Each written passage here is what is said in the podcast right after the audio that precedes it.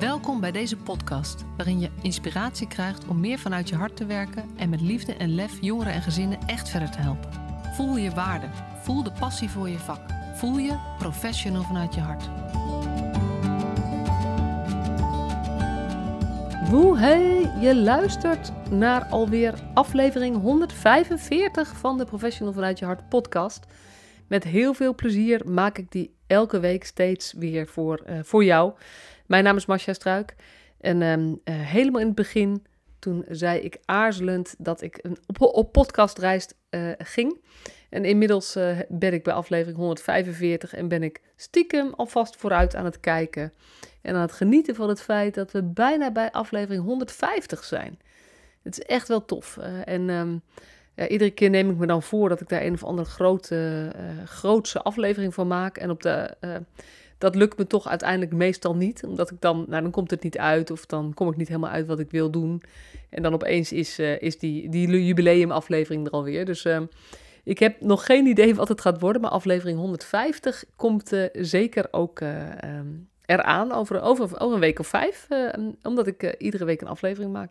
Maar vandaag dus aflevering 145. Superleuk dat je erbij bent. Dankjewel alvast weer voor het luisteren. En... ja, de titel van de podcast zei het, uh, uh, zei het al. Netwerk betrekken, wat een onzin. Ik uh, kan me voorstellen dat je daar even je wenkbrauwen bij optrok toen je die titel zag. Misschien heb je de hele titel niet gezien en ben je gewoon gaan luisteren. Ik denk namelijk dat er een aantal luisteraars zijn die hem gewoon aanzetten als start van de week.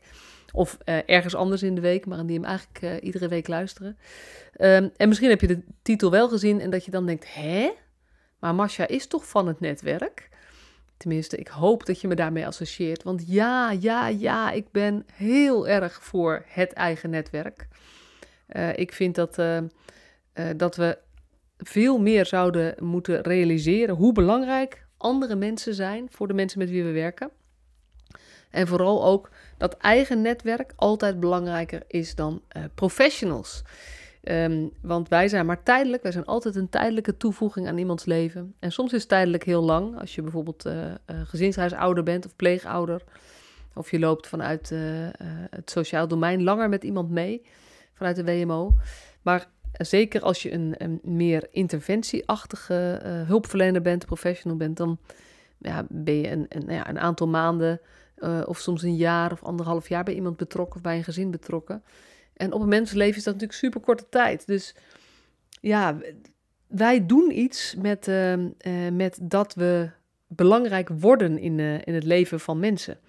En aan de ene kant is dat natuurlijk super fijn om te steunen mensen. En aan de andere kant heeft het als onbedoeld bijeffect dat het eigen netwerk, de eigen mensen van iemand, vaak een beetje op afstand komen door al onze liefdevolle um, betrokkenheid. Dus um, vandaar de titel van de, van de podcast. Ik heb uh, twee weken geleden of zo, in, een, in de podcast met Patricia de Roos, uh, heb ik de uitspraak gedaan dat we moeten stoppen met betrekken van het netwerk, omdat we met het netwerk moeten gaan samenwerken. Het is ook een van mijn stokpaardjes. En ik vond het wel heel leuk, want het was een soort tussenzin in die podcast. En ik heb van twee mensen daar een eh, mailtje over gekregen. Waarvoor dank. Uh, waarin ze allebei zeiden van, wow, wat gaaf dat je dat zei. En uh, een van hen, die was daar, zijn daar, daar zijn ze ook heel erg mee bezig om het meer op die manier te bekijken. Want voor mij heeft betrekken heeft toch iets ongelijkwaardigs. Het heeft uh, iets van uh, uh, dat je een plan maakt bijvoorbeeld en daar betrek je het netwerk bij. Wij zijn iets aan het doen en daar betrek je mensen bij. Maar dat is eigenlijk altijd in tweede instantie. Tenminste, zo ervaar ik dat woord. En um, als, uh, um, uh, als er een plan gemaakt wordt voor een van mijn kinderen op school bijvoorbeeld, en ik word erbij betrokken, um, dan ja, weet je, wat is dan precies mijn positie? Wat heb ik daar dan te zeggen? Uh, mag, ik, mag ik luisteren wat de professionals vinden of mag ik meedoen? Dus ik zou heel graag willen dat wij dat hele woord betrekken met, van het netwerk gaan afschaffen en gaan vervangen door samenwerken met het netwerk. En voor mij is samenwerken een woord wat gelijkwaardigheid uitdrukt. Wat uitdrukt dat we echt samen werken aan een plan wat we ook samen gemaakt hebben. In eerste instantie natuurlijk met de persoon over wie het gaat. Maar ik denk voor de duurzaamheid, voor de langere, ehm, eh, als je wil dat wat wij doen langer helpt, zou je dat ook moeten, uh, moeten in samenwerking moeten doen met de mensen om diegene heen. En daar gebruiken wij dan het officiële woord netwerk voor. Daar puzzel ik nog wel eens eventjes mee, want samenwerken met het netwerk vind ik nog een beetje gek. Want als ik het heb over de mensen om mij heen, praat ik niet over mijn netwerk. Dan praat ik over mijn familie, vrienden, kennissen, buren.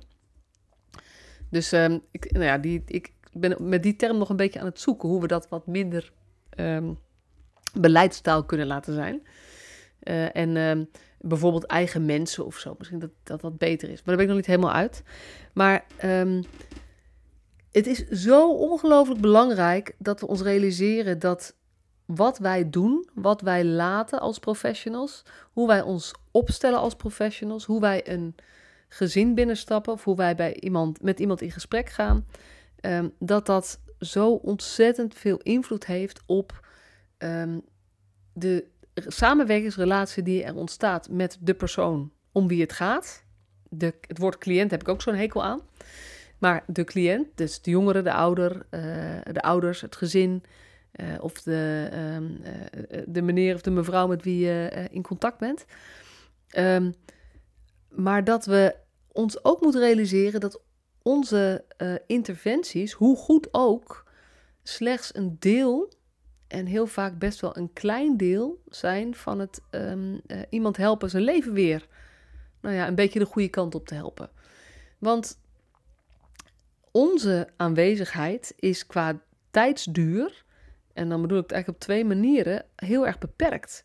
We zijn maar een aantal maanden of een jaar of nou ja, soms iets langer betrokken bij iemands leven, maar ook nog eens een keertje maar een aantal uren of één uur of drie kwartier per week. En dat betekent dat de andere tijd van die week, um, dat iemand het alleen moet doen maar vooral samen met de mensen om, ze, om hem heen. En uh, de laatste tijd realiseer ik me dat steeds meer dat, um, dat het zo belangrijk is dat wij ons als professionals zich, ons daar bewust van zijn. Dat onze aanwezigheid, uh, juist als we heel liefdevol betrokken um, uh, en inventief en creatief zijn en als mensen ons als prettig ervaren, het risico is dat wij een plek gaan innemen waar we niet horen.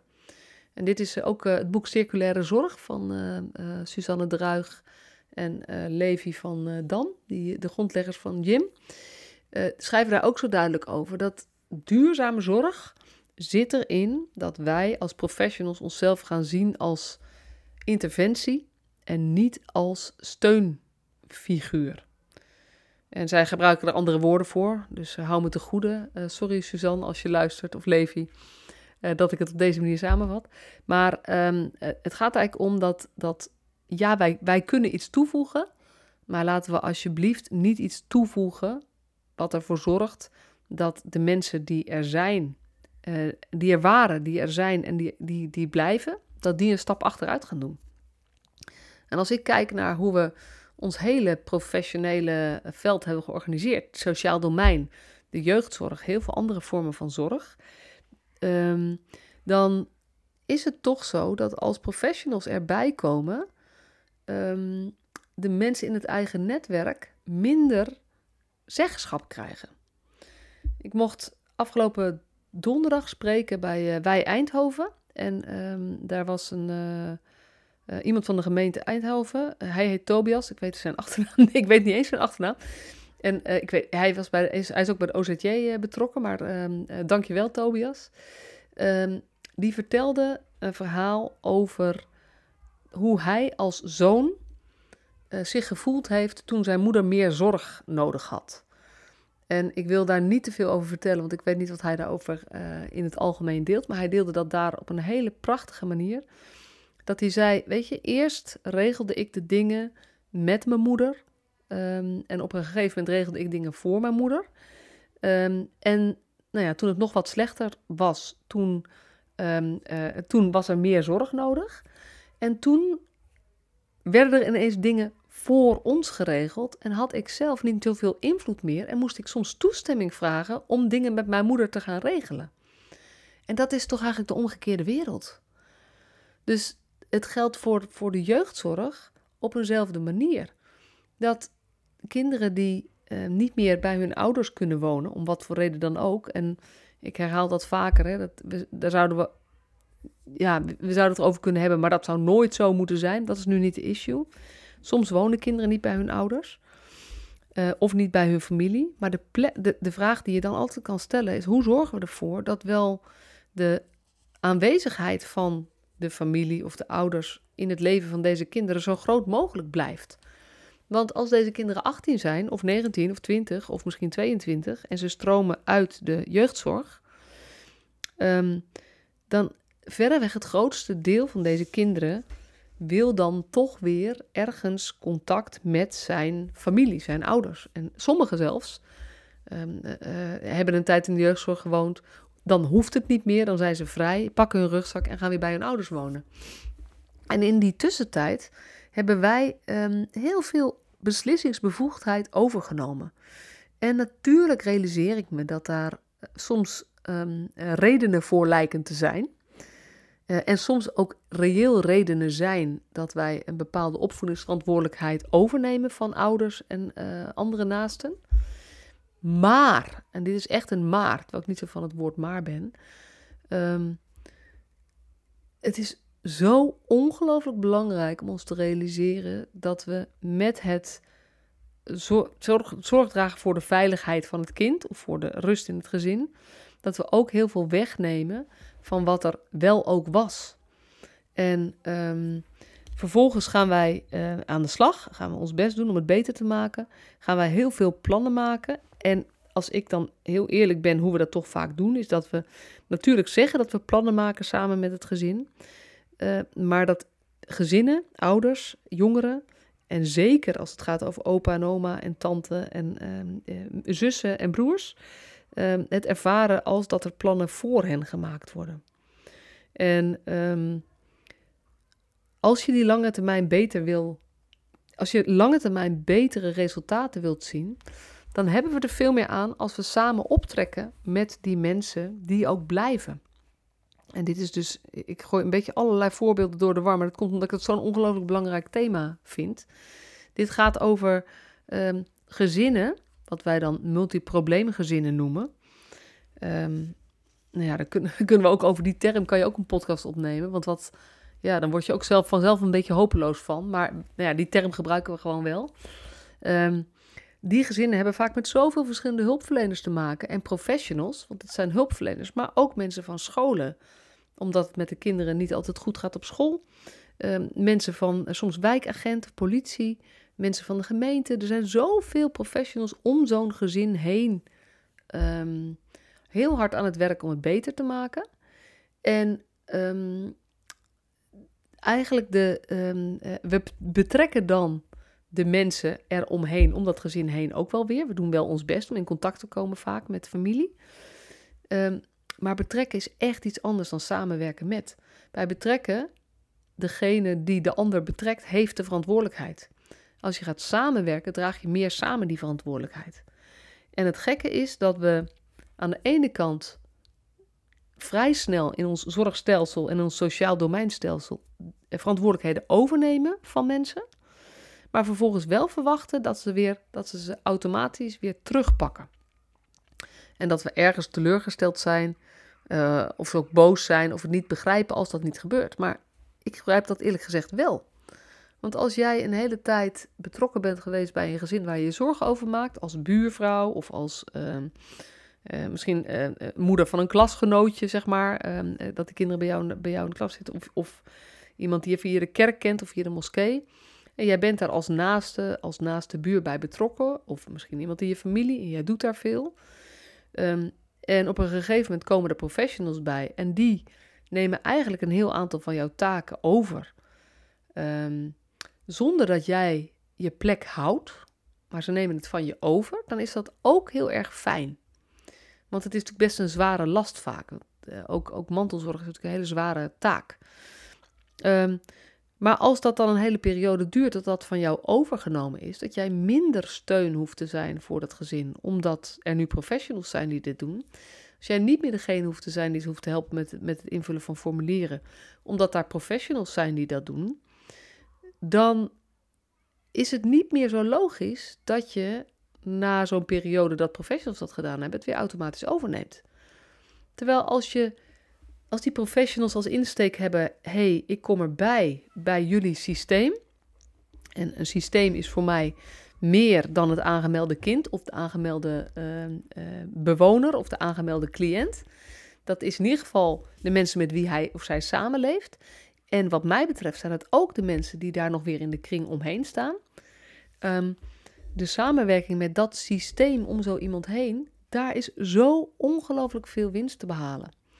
En dat vraagt van ons, dat we al, van ons professionals, dat we ons beter realiseren dat wij minder belangrijk zijn. Dat wij minder belangrijk zijn dan mensen die bij iemand horen. En dat klinkt heel logisch, maar ik zou je toch ook willen vragen: kijk nou eens naar hoe je je werk doet. Ehm, of hoe je ziet, dat anderen hun werk doen. En als je dan even, even uitzoomt en kijkt naar de situatie van het gezin, als het ook gaat over het maken van plannen en het begeleiden van uh, in ingewikkelde situaties, is dan, maak, zorgen we dan ook dat het netwerk het belangrijkste blijft in dit gezin. Want dat betekent dat in plaats van dat wij met, met nou ja, ouders van een kind waar we ons zorgen over maken, of wat een zorgintensief kind is, dat in plaats van dat deze ouders vooral met professionals sparren over wat het beste is voor hun kind, dat die professionals altijd zeggen: zijn er mensen die ook willen dat het goed gaat met jullie en met jullie kind? En kunnen die ook meedenken? Want wij willen met hen samenwerken. Want dit probleem, heel vaak, is niet 100% op te lossen. Het is niet een gebroken been met zes weken in het gips en dan misschien soms een beetje revalidatie en dan loopt iemand meer alsof er, alsof er niks gebeurd is. Dit, loopt, dit duurt langer, het is, het is ingewikkelder, het is, het is veel omvattender. Um, en er is ook geen pasklare oplossing voor de meeste van de problemen die we tegenkomen in het sociaal domein, in de jeugdzorg, in de gehandicaptenzorg. Zeker als je het over de gehandicaptenzorg hebt, heb je het over levenslang uh, beperking waar je rekening mee te houden hebt. Wat niet um, uh, oplosbaar is door een interventie. En natuurlijk kunnen we interventies inzetten om mensen weerbaarder te maken, om uh, mensen te helpen om beter om te gaan met bepaalde dingen in hun leven. Maar uiteindelijk gaat het over dat, dat zij hun eigen leven kunnen leven met de mensen om hen heen. Althans, dat is mijn visie op waar alle vormen van zorg zich op zou moeten, moeten richten. Dat mensen zo zelfstandig uh, en zelfredzaam mogelijk zijn dat ze regie hebben over hun eigen leven, zoveel mogelijk. En dat hun naasten uh, de belangrijkste mensen zijn voor ze. En um, ja, ik, ik zag van de week een, um, een stukje van een documentaire, documentaire uh, van Human. En die heet uh, Kanaal Sociaal volgens mij. Dat gaat over mantelzorg in Deventer. En een van de gasten, of een van de, van de geportretteerden in, in deze uh, documentaire um, is uh, naaste van eerst haar moeder en nu haar broer, die in de GGZ ehm, verblijft, opgenomen is. En daar zie je al ook een stukje waarin zij vertelt dat je als, nou ja, dat je, je als naaste niet altijd serieus genomen voelt. En zij geeft daar mooi, ja, betere woorden aan dan ik. Zij heeft ook haar missie uh, daar, daarop ge, uh, ingesteld. Ze wilde heel graag over vertellen. Want ik dacht eerst altijd, ja, dit is vooral iets met jeugdzorg waar we meer mee zouden kunnen. Maar dit is in alle vormen van zorg. In de GGZ, verslavingszorg. Ik sprak iemand die um, nu aan het herstellen is van, aan het herstellen is, die gestopt is met alcohol drinken, die alcoholverslaafd was. En die nu zeven maanden clean is, wat super knap is. Maar die wel zei, ja, de interventie die ik gehad heb was keigoed. Maar het, um, uh, waar het gemis in zit, is de nazorg. En ik denk dus, die nazorg, die, die moeten we niet na de zorg plannen. Maar die nazorg begint tijdens de zorg. Nazorg is heel, kan je ontzettend verbeteren door veel meer samen te werken met de mensen om iemand heen. Omdat nazorg heel vaak niet 100% door professionals gedaan wordt uh, nazorg, en soms is het levenslange zorg die nodig is, wordt gedaan door het eigen netwerk, door de eigen mensen.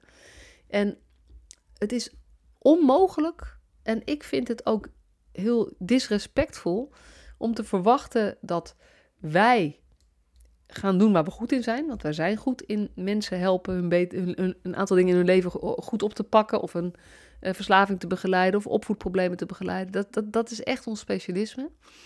Maar ehm, ik vind het ook disrespectvol om te verwachten dat als wij dan klaar zijn met ons specialisme, dat dan het netwerk klaar, weer klaar staat om die, diegene op te vangen en verder te begeleiden. En dan hebben we nog nazorg, maar dat is dan nou ja, heel vaak uh, ontzettend weinig in vergelijking met de periode dat we zorg geleverd hebben. En ik zou willen dat we dat veel meer in elkaar vervlechten en veel meer op elkaar laten lijken. Dus dat we veel de, de, de van iemand um, veel meer een rol uh, laten houden en hun plek laten houden, ook als wij zorg leveren. Of het nou jeugdzorg is, verslavingszorg, GGZ, um, uh, gehandicaptenzorg. De naasten doen ertoe. En wij hebben de taak om hen de plek te geven die ze hebben. Dus we moeten ze niet eens hun plek teruggeven, we moeten ze hun plek laten houden. En dat doen we onder andere door te stoppen met het netwerk betrekken, maar door met ze samen te werken. Nou, het voelt voor mij alsof ik 25 keer hetzelfde gezegd heb. Uh, als dat zo is, sorry, maar dat komt omdat ik het een ontzettend belangrijk thema vind. Um, en uh, ja, ik hoop dat je, dat je eens wil nadenken. Hoe doe jij dit? Hoe doen jullie het in je organisatie? Um, en zie je mogelijkheden om dit net een beetje meer te doen? Want dit zit in hele kleine dingen. Dit zit in wie, um, uh, wie geef je als eerste het woord? Als het gaat, als het gaat bij, bij een bespreking waarbij het ingewikkeld is. Ga je eerst de professionals laten praten en vraag je dan de naasten om te vertellen wat ze ervan vinden? Of begin je bij de naasten en ga je als professional niet zozeer uh, vertellen wat jij bedacht had, maar ga je als professional goed luisteren naar die naasten en vervolgens aanvullen vanuit jouw expertise, waarvan je denkt, nou, daar, daar kan ik iets extra's in betekenen. Dus uh, zetten we professioneel, uh, professionele zorg in, aangevuld met wat naasten kunnen doen, of kijken we naar wat naasten kunnen doen en vullen we dat aan met professionele zorg. Want dat dat nodig is, dat, is ook, dat wordt me ook heel duidelijk bij het kijken van die, uh, die docu van Human. Um, zeker als het een intensieve zorg is. Er zaten een aantal mensen in die documentaire met ook uh, um, zorg voor fysieke gehandicapte mensen, of, ja, fysiek beperkte mensen. Um, en weet je, wat ze ook zeggen in die docu is, als we hier niet zorgvuldig mee omgaan, als wij niet heel goed daarnaar kijken wat nog kan qua belastbaarheid, ook voor, voor de, de mantelzorgers, dan zijn de mantelzorgers onze nieuwe cliënten slash patiënten. Dus wij hebben als zorgverleners daar gewoon heel veel in te doen. En ja, zoals alles denk ik, het kan best simpel en heel, simpel een beetje beter. Denk in kleine stapjes. Denk in welke 5% zou ik hier meer waarde aan kunnen hechten? Of hoe zou ik dit belangrijker kunnen maken? En hoe kan ik ervoor zorgen dat, uh, dat ik binnen mijn mogelijkheden dat gewoon ga doen? Want zo maken we samen de wereld een heel klein beetje mooier. Dankjewel voor het luisteren. Tot de volgende keer.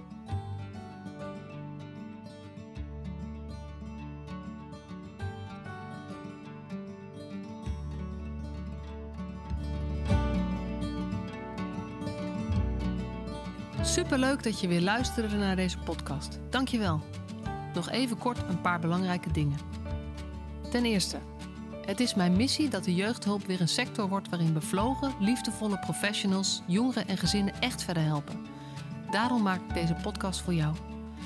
Wil jij deel uitmaken van deze beweging van Professional vanuit je hart, waarin professionals elkaar steeds opnieuw inspireren? Begin dan met het lezen van mijn boek. Je kunt de eerste hoofdstukken helemaal gratis lezen. Ga naar professionalvanuitjehart.nl/slash boek. Ten tweede. Wil je alle podcastafleveringen overzichtelijk onder elkaar? Abonneer je dan op deze podcast. Klik in je podcast-app op de button subscribe of abonneren. En elke keer als er een nieuwe podcastaflevering gepubliceerd wordt, ontvang je automatisch een berichtje. Ten derde, ondersteun je mijn missie? Geef me dan een review via je podcast-app, bijvoorbeeld iTunes of Spotify. Op die manier kan ik nog meer professionals bereiken. En ken je een collega voor wie deze podcast ook interessant is? Dan zou het super zijn als je hem of haar de podcastaflevering doorstuurt. bijvoorbeeld door de link te kopiëren via Spotify. Ik vind het altijd heel leuk om berichtjes te ontvangen van luisteraars om te horen wat je van een podcast vindt, of als je misschien vragen of suggesties hebt. Of als een aflevering je een bepaald inzicht heeft gegeven of er iets in beweging is gekomen. Stuur me dan even een berichtje op masha.professionalvanuitjehart.nl via de website of stuur me een connectieverzoek op LinkedIn.